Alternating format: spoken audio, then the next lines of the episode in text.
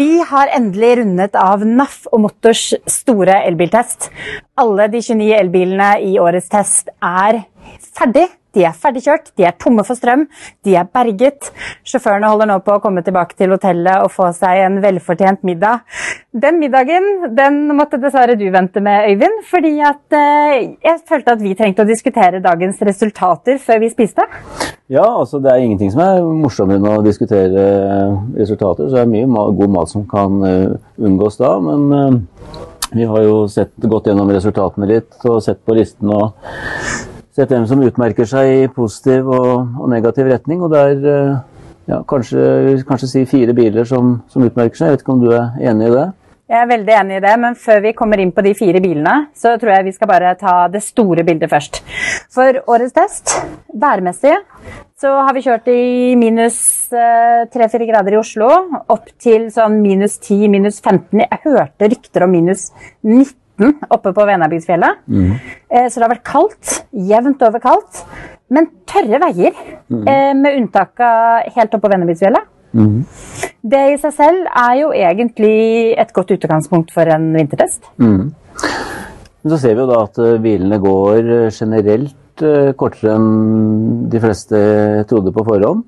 Og vi hadde jo forventet at mange av disse bilene som har sånn WLTP på rundt 45-50 mil, skulle klare å komme seg opp fra Dombås og krype opp mot Hjerkinn og innover fjellet derfra. Men det, det, klarte ikke. De fleste stoppet allerede fra, fra Otta oppover mot Dombås. Ja, jeg må innrømme, Du har jo vært ute og kjørt i dag, Øyvind. Jeg sitter jo i litt sånn crew-bilen, vi som prøver å administrere alt og sørge for at det kommer ut live-rapporteringer ut på motor.no bl.a. Og plutselig så gikk den kule varmt. Mm.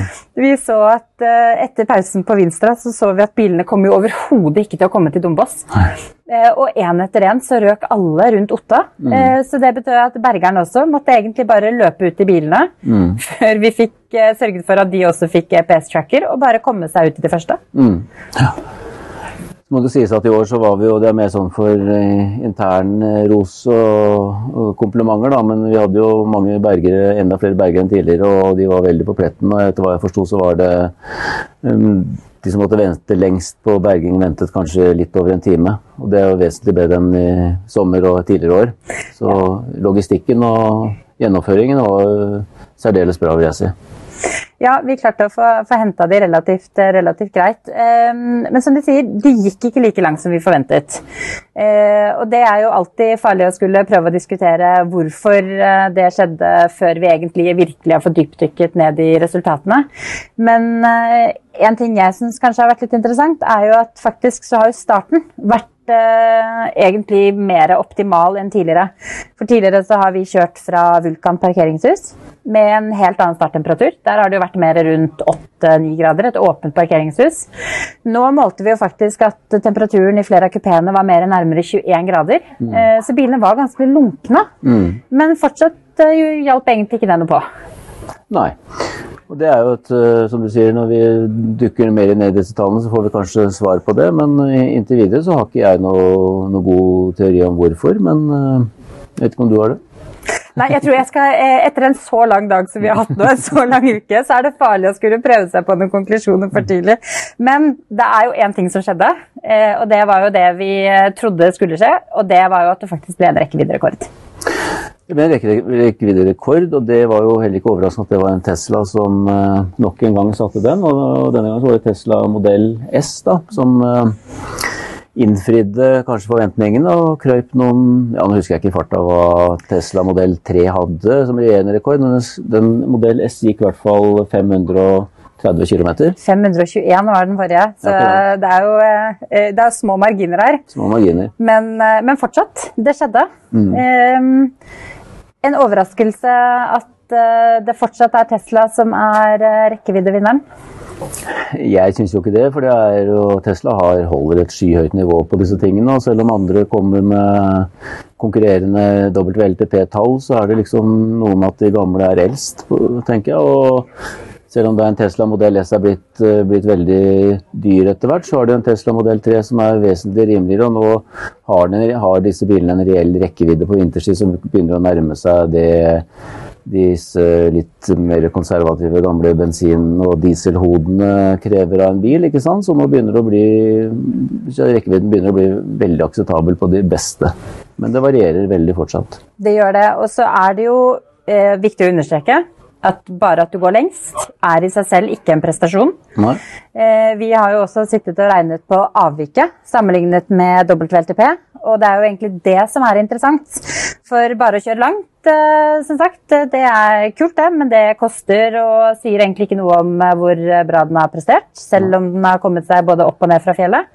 Um, avvikene i år er faktisk Det er et ganske heftig eh, eh, spenn, faktisk. Mye lenger enn vi har hatt tidligere. Mm. Uh, årets biler avviker med WLTP helt opp til 35 mm. Det er faktisk mer enn vi har hatt før. Ja. Det er mer og den som på en måte tar den negative rekorden. Det er jo heller ikke det så veldig overraskende. Det er jo Hongshi EHS9, som jo også i sommer presterte vesentlig dårligere enn WLTP-tallet. Hadde vel en ja, tidenes uh, største rekkeviddetap, sånn i prosent i sommer. Og den eh, forsvarer den uh, litt sånn negative tittelen på vinterstid. Og ja, 35 eh, rekkeviddetap er ganske mye. Mm. Men så er det jo det hakket foran der, så får du en, eh, en Toyota BZ4X da, som skulle eh, på en måte overbevise og gi Toyota et lite prestisjeløft i forhold til den negative omtalen og de dårlige resultatene de har hatt så langt med sin firehjulstrekker. Men uh, det klarte de ikke. Den uh, hadde et prosentvis rekkeviddetap på 34, og det er også veldig høyt. Og det er høyere enn ja, det er, En ting er at det er høyere enn de fleste, men det er også høyere enn de bilene den kan konkurrere mot. den Testen er sånn som ID4, ID5 og Nissan Aria og, og Tesla Modell Y, som er de tre relevante konkurrentene med tohjulstrekk. Mm. Ja. Men selv til den andre enden av skalaen, den bilen som hadde minst avvik eh, sammenlignet med sin egen WLTP-rekkevidde, det var Maxus Unique 6. Mm. Den, det, er, den, er, unik, den. også. Den er, jo det. for den forsvarer også tittelen sin fra, fra, i sommer med et uh, rekkeviddetap som er, som er oppsiktsvekkende lavt. 10% på, på de, under disse forholdene her, det er jo veldig, veldig bra. Så det forteller litt om en bil som, eh, som, kanskje ikke så mange mm, vurderer som en familiebil, men den har et ekstremt stort bagasjerom og hverdagskvaliteter som, som holder bra. Og også en rekkevidde som, som, holder det den lover. Så det er en, uh, seiler opp som en bil som gir deg ganske mye for pengene, vil jeg si. Mm. Og den, det som er litt gøy når vi gjør disse rekkeviddetestene, det er jo faktisk å begynne å erfare hvor utrolig forskjellig bilene går tomme for strøm. Mm. For det er vidt forskjellig. Vi har biler i testen nå som har nektet å kjøre videre allerede ved 1 igjen. Eh, og det har vi opplevd før på vinterstid. Eh, når det er såpass kaldt, så er det ikke mulig å på en måte utnytte det som kanskje ligger litt lenger ned i batteriet. Mm. Eh, men så har vi noen biler som bare går og går, og Maxus Uniken er faktisk eh, en av de. Eh, mm. Den eh, Til slutt måtte vi egentlig bare stoppe. Eh, for det, den bare fortsatte i krabbemodus eh, mm. på en vei du egentlig ikke burde kjøre i Eller burde kunne kjørt i krabbemodus. Ja. Så, eh, men det er også mye annet rart som skjer med disse bilene. Og du Øyvind, du har kjørt Tesla Model Y. Mm. Og hadde egentlig en ganske kjip liten opplevelse når du stoppet. Ja, jeg har vel en sånn god eller kall det dårlig tradisjon i å gå tømme 12-volts-batteriene i disse testene her. Og det er jo litt komplikasjoner for bilene og for produsentene og importørene, men det er jo bra erfaring for oss. Og det som skjedde i dag, var jo at vi satt etter at vår Tesla Modell Y da hadde gått tom for strøm, null batteri og rikket seg ikke en meter lenger, så etter en halvtimes tid så gikk også 12-volts-batteriet. Da var bilen helt død. Så fikk vi litt i forkant av det, dette så fikk vi et varsel om at man kan åpne dørene manuelt fra innsiden, sånn som man da kan manuelt på en bil som, hvor du har en automatisk døråpner. Så gjorde vi det, kom oss greit ut av bilen, men idet vi skulle lukke døren igjen, så smalt jo høyre fordør da, inn i karosseriet, sånn at frontruta sprakk, eller høyre fordør sprakk, ruta høyre fordør sprakk. Og det skyldes jo det at disse, disse vinduene som skal gå ned en centimeter eller to når du lukker og åpner dem for å frigjøre døra, de fungerer ikke når 12-voltsbatteriet har gått. Så Det betyr at den eh, toppen av vindusruta gikk inn i karosseriet og, og sprakk. Jeg er jo overrasket over at med tanke på at du kan legge inn buffer i høyvoltsbatteriet, at ikke det ligger en eller annen type buffer inne også på 12-voltsbatteriet, med tanke på å bare opprettholde noen av de aller siste nødvendige funksjonene. Mm. For eh, jeg har jo også hørt på Sambandet i dag at det er jo flere av bilene som har mistet eh, nødblinken. Mm. Eh, Og da har jo sjåførene stått ute, for i år har vi jo vært veldig bevisst på at ikke sjåførene skal oppholde seg i bilene Mm. etter at de har kjørt tomme for strøm. Nettopp fordi at man skal ikke sitte med tenningen på eller noe som helst som tapper batteriet, for å prøve å unngå 12-voltsproblemer. Men så sliter vi jo med å komme oss unna det i det hele tatt. Så den eh, skulle gjerne vært en bitte liten buffer oppå startbatteriet også. skulle vært det, og vi opplevde også at nødblinkeren forsvant når 12-voltsbatteriet gikk ned. og for nå har jeg som sagt opplevd dette noen ganger, og tidligere så har det gått mye mye lengre tid. Og du har fått en del varslinger som du er inne på, om at nå er jo også 12-voltsbatteriet i ferd med å gå, gå tomt. Men her gikk det sånn på, på et knips, og så var alt dødt. Og så gikk i tillegg døra i stykker, da. Så ja. Vi, har vel, eh, vi får vel bare be Tesla om eh, tilgivelse der. ja, vi må det. Håper på det.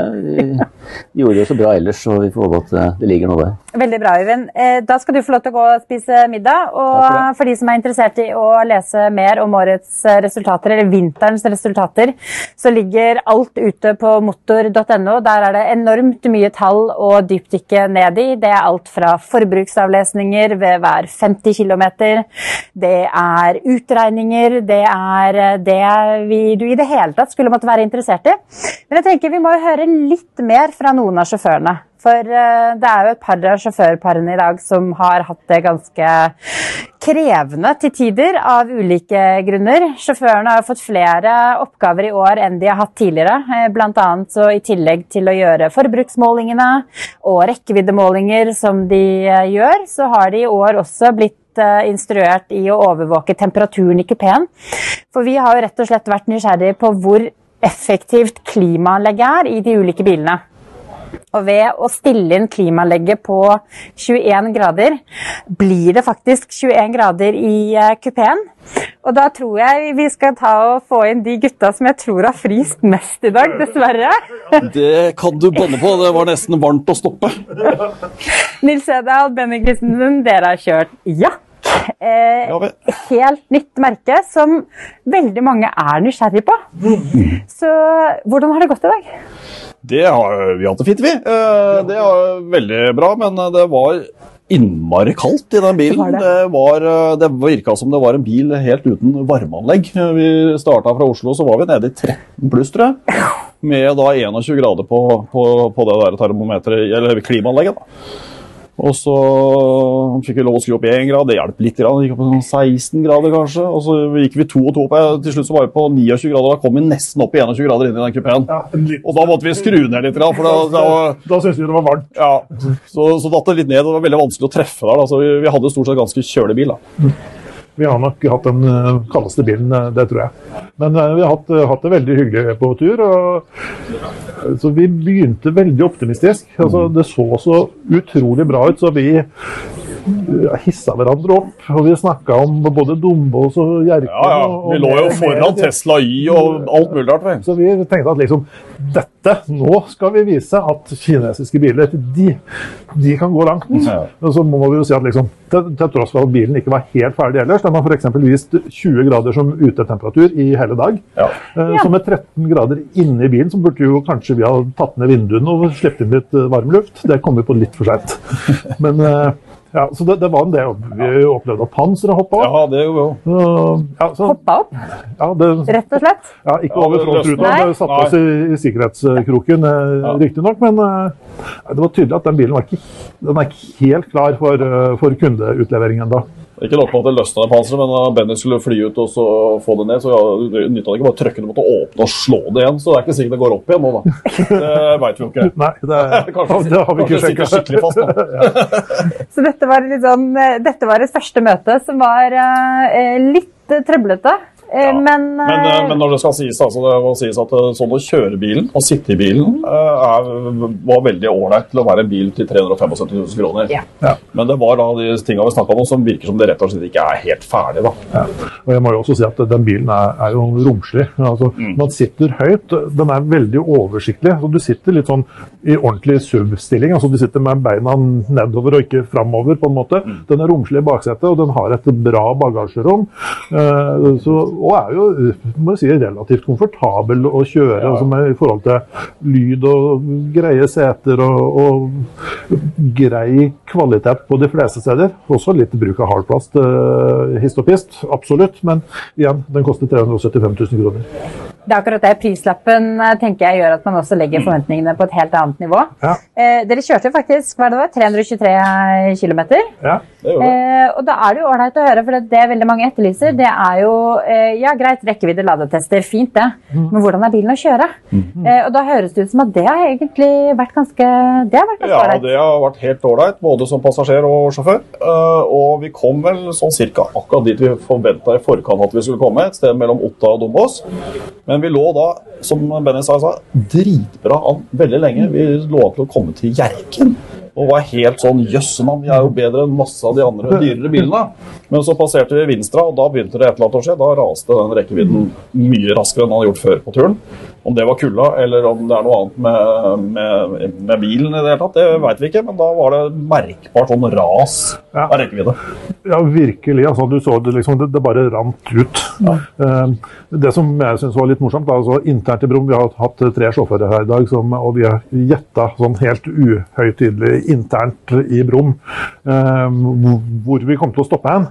Eh, og jeg tippa da for et par-tre dager siden, jeg visste hva slags bil jeg skulle kjøre, at jeg kom til å stoppe et sted mellom Sel og Dovre. Uh, og jeg synes å stoppe på Nordsel, det, det syns jeg er innafor. Ja, det er Så, Det er ganske, hva, med, hva med de andre to? Hva med Mats og Vegard?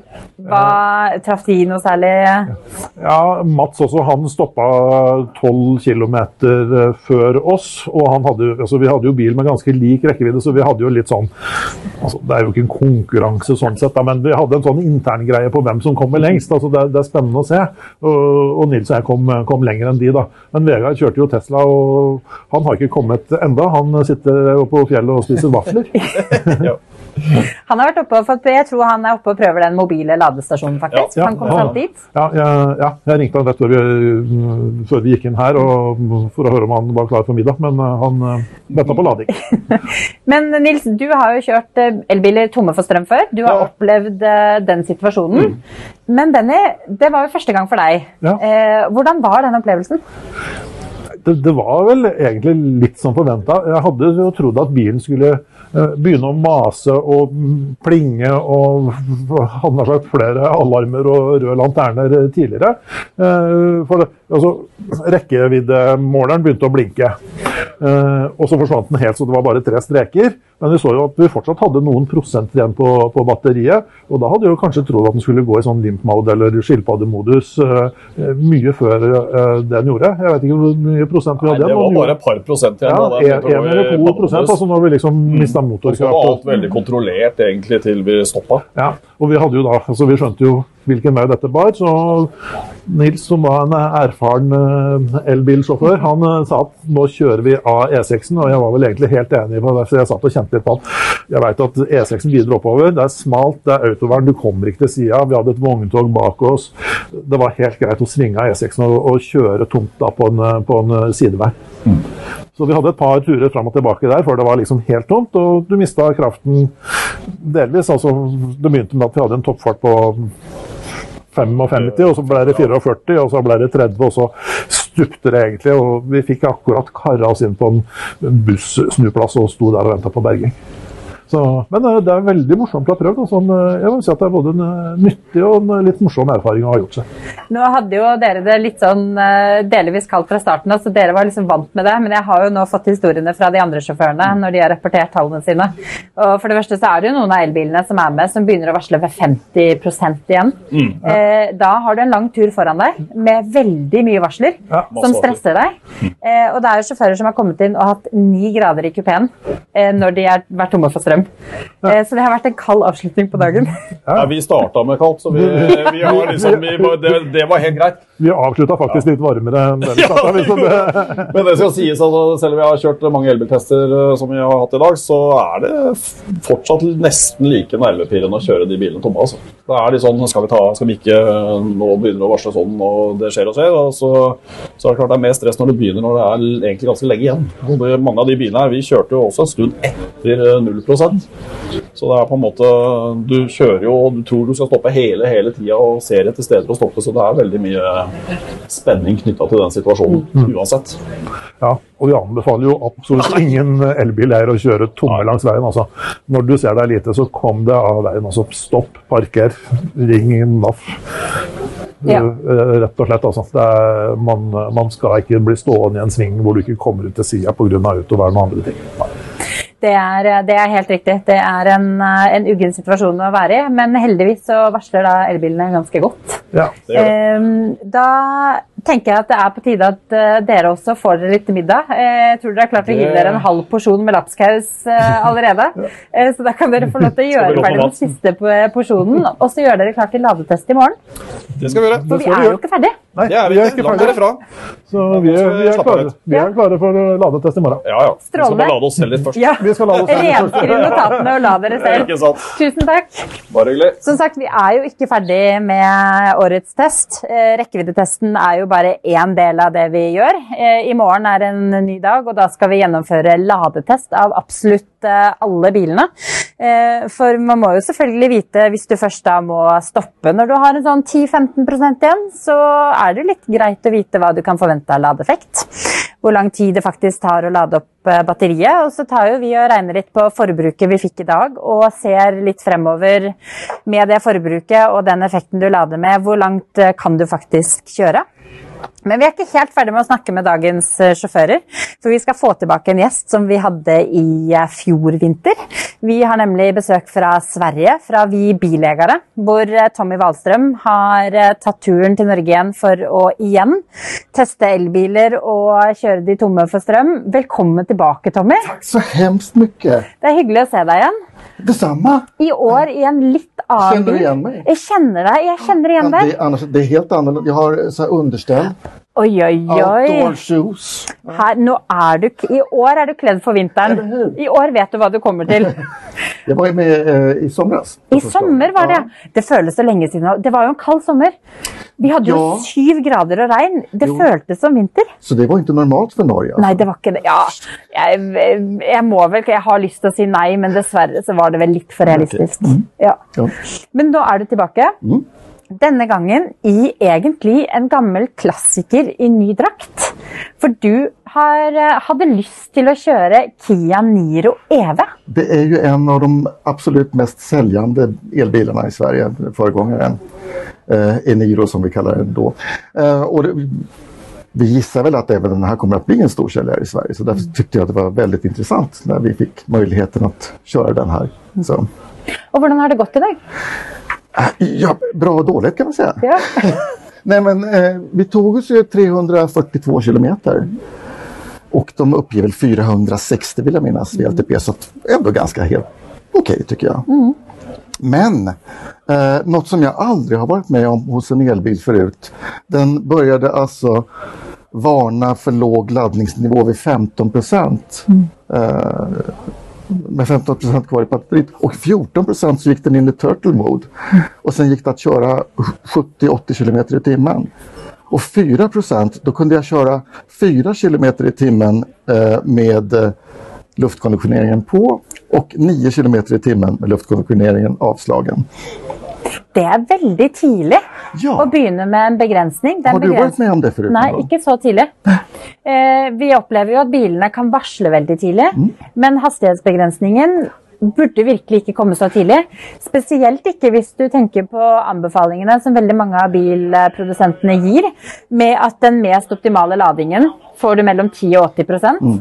eh, Sånn at de anbefaler, eller gir jo egentlig rom for at du skal kjøre såpass langt ned trygt. Ja, og, og det så- kan du jo ikke gjøre når du er i turtle mode. Det er liksom, tenk om du hadde vært på motorvei. Det är, Det er ikke holdbart. Nei, men det, det, det er for tidigt, det tycker Jeg jag tycker, og det gjør at att det blir, et veldig snevt område du kan anvende denne bilen. For du kan ikke kjøre under 10, 10 og eh, over 80% så sjunker laddhastigheten ned til 22 kW eller därunder. Så du, du har jo da bare en begrenset del som du kan anvende i omfanget. Ja, og det tror jeg kanskje ikke veldig mange tenker på når de først måte, planlegger kanskje den virkelig langturen sin med elbil, typisk en sommerferie. Eh, det aller første strekket du kjører, så har du jo 100% rekkevidde. For du har kanskje startet hjemmefra fulladet. Eh, men så i praksis har du jo egentlig bare mellom 80 og 90, fordi at du må inn til ladestasjonen et eller annet sted mellom 10 og 20% Mens neste stopp igjen blir jo desto kortere. For du lader maks kanskje til 80% for ellers så går det så kort. Så hvert eneste stopp blir jo da ganske kort. Så når man har en elbil, en, en spesiell bil, så lærer man seg jo den så småningom. Jeg hadde en Tesla 3 som jeg kjørte ned til 1% hver gang gång jeg jag i garasjen. Det skal man ikke gjøre, men jeg gjorde det. Eh, Men, men jeg visste, hvor langt den gikk, jeg kunne lita på den. Och det är klart man lär sig också om, om man har en, en uh, Niro EV. Men just ändå att det är så begränsat omfång som man kan använda gör ju att, att eh, det blir svårare att åka långt med en sån bil förstås. Men hva har skjedd på det svenske elbilmarkedet siden vi da snakket sammen i sommer? Ja, eh, jag tror vi pratade sist om att, att eh, vi stod inför ett eh, val i Sverige. Och eh, det hadde hade vi ju sen då i augusti och vi fick en ny regering som väl då man hade på känn att man kanske skulle ändra det här med elbilssubventioner eller elbilsstöd som hade funnits tidigare. Tidigare så kunde man ju då få 70 000 eh, eh, tillbaka från staten om man köpte en, en elbil i Sverige. Ehm, och sen så bestämde man plötsligt en dag i november att från och med eh, dagen därpå så skulle det inte längre utgå några subventioner alls. Så från 70 000 till noll eh, med 24 timmars varsel. Så alla bilhandlare i Sverige hade då öppet eh, till midnatt. Eh, Alla som funderade på att köpa en elbil rusade iväg och köpte en. Ehm, Och dagen därefter så var det tomt i bilhallarna. Då fanns det ingen som, Yes. kun- inga kunder kvar. Vi, eh, vi har jo klagd her i Norge på ja, at vi Mm. at her fikk vi liksom Hva var det vi fikk her? Sånn, noen måneder på oss. Ja men gud. Eh, og så får dere ikke Vi har jo fått masse tid, vi, da. Ja. Ehm, förra året så sålde vi eh, 33 procent av eh, bilarna som såldes i Sverige, 280 000 bilar någonting, var eh, batterielbilar. 58 procent vill jag minnas var elektrifierade. Så det är fortfarande ganska ladd, mycket laddhybrider som såldes i, i Sverige förra året. Vad som händer nu får vi väl se, vi vet inte riktigt. Ehm, vi funderar på om det kan vara så att, att eh, många som tidigare har funderat på en elbil går tillbaka och köper en bensin eller diesel nu. Kanske. Ehm, men vi får väl se lite var vi, var vi landar. Nå er det jo I årets rekke så er det jo 29 eh, elbiler. Er det mange av de merkene dere ikke har i Sverige? Ja, det är ju jättespännande. Hvilke da, eksempel? Vad heter det? Jak? Ja, det Nils og Benny akkurat har snakket om. är inte det ett djur? Ja, det er kanskje det. Ja, det er vel det. Det någon slags ko? Eller ja. Ja. Ja. Ja. ja. Da er vi ikke gode på dyr her. Eh, og Voya. Voya er også helt nytt her. Ja, nei visst. Eh, Hongxi har precis kommet til Ja. Sverige. Den gikk jo ikke så bra for meg. Nei, men samtidig så er vi liksom da tilbake til den diskusjonen eh, Er alle biler, elbiler bygget for rekkevidde, eller er det også noen som er bygget for et helt annet bruk? Og Der handler det om å bare være ærlig på premisset. Vær åpen om premisset. Ikke prøv å selge inn på noe det ikke er. Men long range-batteri gjorde det jo vesentlig bedre. Ja. Eh, husker ikke tallet akkurat nå, men eh, det er vesentlig bedre rekkeviddeavvik. Mm. Så må man selvfølgelig se litt i detaljene hvor den er kjørt, sammenlignet med, med på en måte sin egen lillebror. Men, eh, Men har man sagt er- om, blir det en stor prisskillnad på det? Kommer den å bli mycket du, den, vet vi ikke, den har vi ikke prisen på ennå. Fordi at det er jo faktisk en modell som er såpass ny at den har jo kommet rett fra fabrikk. Eh, og testes her. Så Den kalles prototypen Pro- vi, ja. när vi prater om Ja. det på radioen? Ja. kaller det ikke Holskien engang, bare prototypen.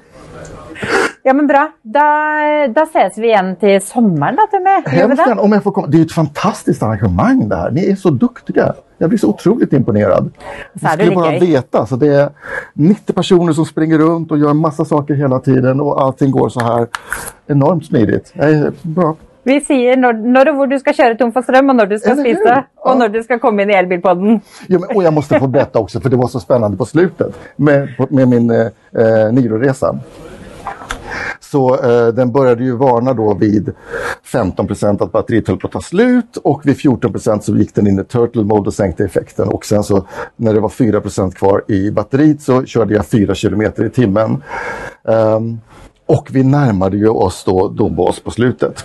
Så vi hade då eh, Bilen sa att vi hade 9 kilometer räckvidd kvar och det var 3 kilometer till, till eh, stationen där vi skulle stanna, Circle K i, i Dobos. Så vi sa att vi ska köra dit, vi ska gå. Ja. Så vi körde i Turtle Mode 4 kilometer i timmen. Um, längst ut på vägkanten, försökte hålla oss undan, försökte släppa förbi alla som ville förbi. Ja, försökte vara bra bilister. Um, kryper långsamt framåt och får till slut syn på den här eh, bensinstationen 300 meter längre fram. Eh, då stannar bilen. Det är av. Ja. Då stänger vi av den och så startar vi den igen. Och så går den 50 meter. Så stannar den. Så startar vi den igen. Sju stycken omstarter. Och då lyckas vi kravla oss över gatan in på bensinstationen och fram till laddaren. Kan koppla in den. Selvhjulpen. Ja men alltså. Men det er et kult triks, faktisk. Jeg tror ikke alle vet det. Det går ikke på alle elbiler. Men eh, du kan starte den opp igjen etter at den er tom, og så får du liksom ut det siste lille. Husker du ikke at vi gjorde det på mobiltelefonen? Du hadde liksom gått tom for strøm. Du tenkte å sende deg meldingen og si 'jeg er tom for strøm'. Eh, Så var det bare å la den ligge litt, skru den på igjen, så fikk du sett akkurat den meldingen. Ja. Det er litt sånn det er. Og, og, det er jo bra da, de ganger som man får stopp på et olämpligt sted og behøver flytte seg ytterligere noen meter for å komme på et bedre sted der man kan stå. Det er det faktisk att, mulig. Da kan man prova det. Ja. Man skal ikke gjøre som jeg gjorde. Nei. Ikke gjør som Tommy gjør, gjør som han sier. Veldig bra, Tommy. Tusen takk. takk. Veldig hyggelig. Så blir det ladetest i morgen. Da får vi se.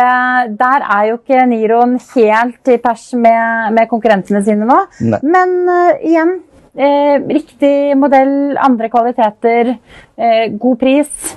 Det, han, den har andre ting å by på. Ha en god kveld videre. Takk. Så skal vi over til rekkeviddevinneren, som satt i bilen veldig mye lenger enn deg. Runda fjellet. Det er jo selvfølgelig Tesla Model S-en vi skal eh, over til. Tusen takk til deg, Tommy. Eh, vi må jo innom eh, den, for det ble jo da faktisk rekkevidderekord i år. Eh, Kia Niro EV-en er jo da en modell vi har testet tidligere. Og dette er jo noe vi gjør i elbiltesten. Vi tar jo til tider inn modeller vi har testet før, eh, av ulike grunner. Enten så kan den ha fått en oppgradering av batteriet, som gjør at den har fått bedre WLTP. Eh, Den kan ha fått bedre ladehastighet. Eksempel så har vi jo inne Hundai Hyundai Ioniq 5 i år, som egentlig er en bil vi har testet eh, ferdig både sommer og vinter. Men siden vi testet den i fjor vinter, så har den nå fått eh, forvarming av batteriet før hurtiglading, som gjør at vi endelig burde se den hastigheten som den virkelig leverer. Og vi vet jo også i kommentarfeltet vårt at det er veldig mange av dere som etterlyser modeller. Dere etterlyser Hyundai Kona, dere etterlyser Ford Mustang Mach-E. Vi har testet 72 ulike elbiler fra før, så det er bare å gå inn på naft.no og lete litt i eh, testene våre, så finner du nok det du leter etter. Men nå kommer da de to herrene som har kjørt lengst i dag, og da skal vi slå over på engelsk, så vi ser se om jeg finner ordforrådet mitt eh, nå på tampen av kvelden. We're gonna switch to English, uh, Martin, so that you can Thank join you us as well. Uh, the gentleman that have driven the longest today, the Tesla Model S, 530 kilometers. You went around the mountain and back again. uh, was that to your expectation, Martin? Well, it was just too pretty to stop somewhere with an empty battery, so we decided to go all the way. Um, I guessed last night 550 kilometers. We made 530 kilom- kilometers. Uh, it's a, it was a beautiful ride, beautiful drive. I had a perfect driver, and uh, it was a very nice car. And I think what surprised both of us the most is uh, not the battery size, but actually the efficiency that it brought down to the road. Because that's actually one thing that we can address, I mean, just right straight ahead. Because one of the things that we do today is that we measure uh, the consumption of each and every car every 50 kilometers. And there's a clear divide between Tesla and a lot of its competitors, it has a lower consumption than most of most of its competitors, even with cars that are, you know, a lot heavier. Yes, I mean, uh, we ended on uh, 17.4, uh, and that figure I really had to struggle to reach when I was driving a Volkswagen e uh, and we are now talking about a car uh, that weighs uh, about two tons and uh, also has very, very large uh, wheels, 255 17. Uh, so uh, it has a lot of rolling resistance as well. So, so in my mind, this is uh, hugely impressive numbers that we have gotten out of this car today. But Martin, you said 550. We do have to address one thing, and that is that actually the Tesla Model S started with a disadvantage. Uh, we've spoken to Tesla. We spent all morning talking to them because we wanted to make sure that everything was right with the car, that nothing was wrong, but we couldn't get it past 98%. Yeah, so we started with a battery which uh, actually wasn't fully charged, and uh, that, in perspective to this, I think if the battery would have been fully charged, we obviously would have gotten uh, longer. Uh, but uh, but 530 kilometers is just very very impressive, and the VLTP on the car is 634. So so it's it's absolutely impressive, I think. Did Tesla give any explanation what they thought was the was the issue? Yeah, we haven't drilled down uh, very very far into it, but but it is a very new car. Uh, it had only gone uh, 230 kilometers before we took it and drove it. Um, so it might have been some kind of uh, Uh, balance issue with the battery, uh, which uh, which uh, stopped it from going to 100 percent. and I think that will be rectified tomorrow when we when we charge it tomorrow. Yes, so, quite, quite often you see with uh, new cars or, or, new battery packs that after they have been cycled once, twice, three times, or ten times, that the balancing becomes ideal and, and the usable capacity actually grows just a little bit. I think and then the car was brand new. It was actually um, it's never been fully charged no. before and never been fully emptied before. Yeah. So uh, I, I, think it's a good experience for the car as well. yeah, and, and I think uh, it's it's quite normal when you drive an internal combustion uh, car. Uh, you have to, to, to drive it in a certain way the first uh, 2,000 or 4,000 or 10,000 kilometers uh, in order for to, to get all the, the parts to bed in. Uh, and uh, that, this is what we see here, so it's I don't think that's a concern at all. Mm. But very impressive with with the range and also um, when the car indicated that the battery was depleted, we still got 20 20 kilometers out of it before it stopped. But that's actually quite, that's something that we've learned uh, of the Teslas when we drive them as empty as we do. They have, they have quite a large reserve, so we usually know that our drivers can actually safely continue after 0%, even in the winter. Yeah. Um, Martin, you actually you've joined us from Switzerland, uh, where you're head of uh, testing in uh, in kind of our, our sister club uh, in Switzerland, um, and you've come here to kind of see how we carry out our winter testing. You do winter testing on a completely different level because you do it with uh, a completely different set of measurements. Uh, you can go a lot more into detail than we do we do here. We've had a lot of really interesting discussions about what numbers you, we could actually we could actually find. But when you you've probably picked up on some of the results today, not too much because I know you you really just came from your car. But what have you found from kind of this year's results? You know, the the the, um, the winter range loss is up to 35 percent, uh, between 10 and 35 percent. All cars have gone a lot sh- um, shorter than we predicted. Actually, uh, does this surprise you with today's weather and today's conditions? It was not super cold today. Uh, especially in, in, the valley, it was quite cold up uh, on the mountain. So it really is hard to say before I before I studied the results. Really, yeah. Eh, Jan but, but yeah. maybe about the testing. I mean, this is an, an, an everyday test with normal people on normal roads. And what we do in the Green NCAP program is scientific testing. So that is reproducible with this specific car under this specific uh, um, conditions. And it says something kind of standardized, which never represents reality. And the test you are doing here is just the opposite of the line. Doing the everyday thing, a route that most Norwegians know and, and, and need to drive because they want to get, get to their cabin. And uh, I think it's very important that you have both of these uh, uh, settings on, on, on on your on your plate and on your communication to the to the members of the NAF and the TCS. So Jan Harry, you've now been in the uh, 2023 version of the Tesla Model S. Yes. Uh, for those who didn't listen to us yesterday, we talked about your experience with the 2014 edition of Yeah. the Tesla Model S. Yeah. What's the difference? It's uh, I think it's huge, and uh, uh, in in range at least. Uh, but the car uh, is also uh, much more agile, uh, drivable, more comfortable. Uh, it's more of a finished car, I think, than than the car that I drove back in 2014. And the best part with uh, the test today, today was that I wasn't uh, forced to drive through a hedge like I had to do with the 2014 model.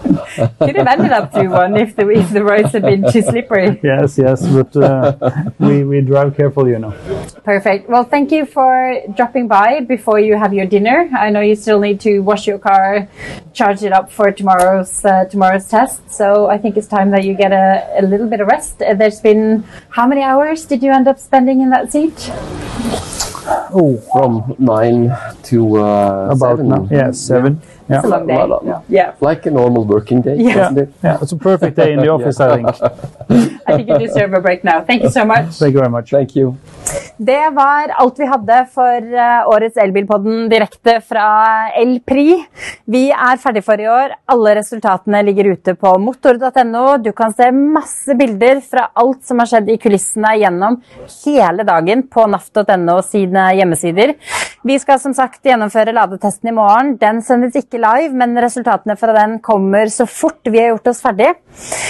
Som alltid i studio er det Peter Jacobsen som har sørget for at dette her har gått på skinner med god hjelp fra Bjørnar Hegge denne gangen. Jeg heter Anette. Berve. Takk til gode gjester og kollegaer som har hjulpet oss med litt innsikt i hvordan det har vært å sitte i bilene denne testen. Da sier jeg takk for oss fra Otta. Ha det godt.